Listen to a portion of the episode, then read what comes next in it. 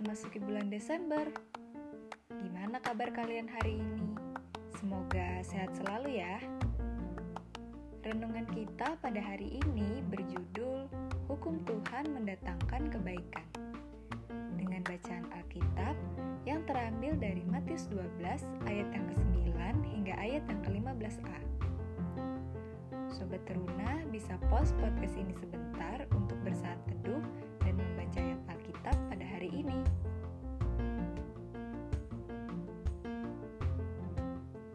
Bacaan Alkitab pada hari ini memperlihatkan upaya orang Farisi mencari kesalahan pada diri Yesus. Saat Yesus menyembuhkan orang sakit pada hari Sabat, orang-orang Farisi bersekongkol untuk membunuh Yesus. Mengapa?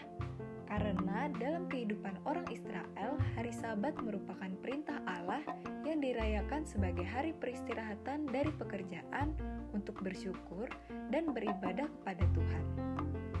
Ini adalah hukum yang dilakukan secara turun-temurun oleh orang-orang Israel.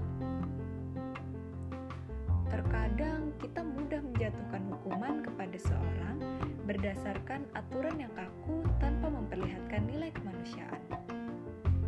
Yesus juga dipersalahkan karena menyembuhkan orang sakit pada hari Sabat.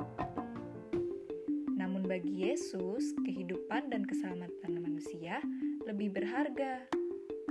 Maka dari itu, melakukan pekerjaan yang baik pada hari Sabat lebih penting daripada merencanakan hal jahat yang membuat ketidakbenaran.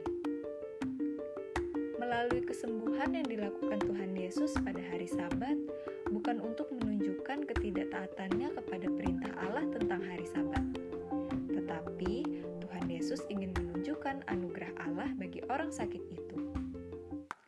Sobat Teruna, hukum Tuhan bukan hanya berisi tentang larangan ataupun perintah saja, tetapi hukum Tuhan juga bertujuan untuk mendatangkan keselamatan dan kebaikan dalam hidup kita. Melakukan hukum Tuhan dan meneladani tindakan Tuhan Yesus merupakan wujud sikap hormat dan ketaatan kita padanya. Jangan lupa juga untuk saling menolong dan selalu berbuat baik bagi sesama. Selamat menaati hukum Tuhan dalam kehidupan sehari-hari Sobat Teruna. Tuhan Yesus memberkati.